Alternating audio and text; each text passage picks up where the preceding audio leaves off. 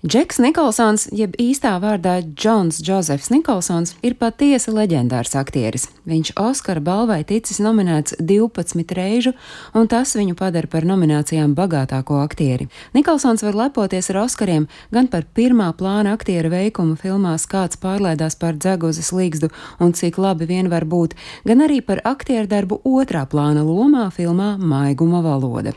Un šis aktieris nevar sūdzēties arī par zelta globusu trūkumu. To viņa kontā ir vismaz seši, un vēl 1994. gadā viņš kļuva par vienu no jaunākajiem ASV filmu institūta balvas par mūža ieguldījumu saņēmējiem. Nikolsons nenoliedzami ir sieviešu mīlulis, viņš esot arī izcils sarunu biedrs, turklāt kā zivs ūdenī jūtas sarunājoties par jebkuru tematu. Jā, un viņš ir arī brunču mednieks, kurš fascinē ar savu češīras kaķa cienīgo smīnu. Turklāt viņš uzskata, ka pēdējos gados kino industrijā radītas vien dažas filmas, kas ir kino mākslas cienīgas. Vispārējais Nikolsona vārdiem runājot, esot pirotehniķu caureja. Džeks Nikolsons piedzima 1937. gada 22. aprīlī Ņūdžersijā, Amerikas Savienotajās valstīs. Viņa mamma Ētela Mēja bija friziere, kurai Ņūdžersijā piederēja skaistumkopšanas salons, tikmēr savu tēvu, Džonu, Džeks Nikolsons atceras kā vīru, kurš allaž bijis vieglā žvingulī.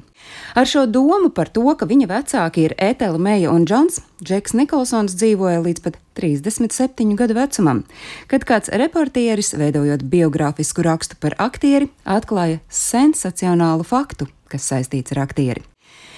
Izrādās, ka cilvēki, kurus viņš uzskatījis par saviem vecākiem, patiesībā bijuši Džeka vecvecāki, un viņa mamma bija viņa vecākā māsa Džūna. Izrādās, ka Džūna agrā jaunībā bija cerējusi kļūt par aktrisi, un 16 gadu vecumā laimes un veiksmes skatuves mākslā meklējumu dēļ pārcēlusies uz dzīvi Ņujorkā, kur palikusi stāvoklī. Lieki piebilst, ka tolaik, proti pagājušā gadsimta 30. gadu otrajā pusē, ziņu, ka neprecētai, nepilngadīgai meitenei gaidāms bērns sabiedrībā uztvēra kā katastrofu. Uzzinājuši, ka meita kritusi negodā, Džūnas vecāki rīkojās tiem laikiem loģiski un likumsakarīgi. Viņi devās pie meitas uz Ņujorku, un, kad viņa laida pasaulē dēlu, vecāki viņam deva vārdu Džons un pasludināja viņu par savu bērnu. Mājās Ņūdžersijā laimīgā ģimene atgriezās un turpināja ierasto dzīvi, nevienam nenojaušot, kas noticis. Tomēr visu šo laiku Nikolsonu ģimeni pavadīja lielais noslēpums, kas bija apstiprināts ar klusēšanas zvērestu, ko vecāki paņēma līdzi sev kapā. Šis gadījums liekas kā ņemts no tādām veco laiku lubenēm, ja vien tas neatbilstu īstenībai. Kad 37 gadu vecumā Nikolsons to uzzināja, viņš atklāja, šis satriecošais jaunums esot izskaidrojis daudzas mīklainības, kas viņu bija intuitīvi nomocījušas gadiem ilgi. Viņš jūties pateicīgs par to, ka nu viņš zina patiesību. Un ar sev raksturīgo cinisko humoru piebildis, ka kopš tās dienas viņš pavisam noteikti esot abortu pretinieks.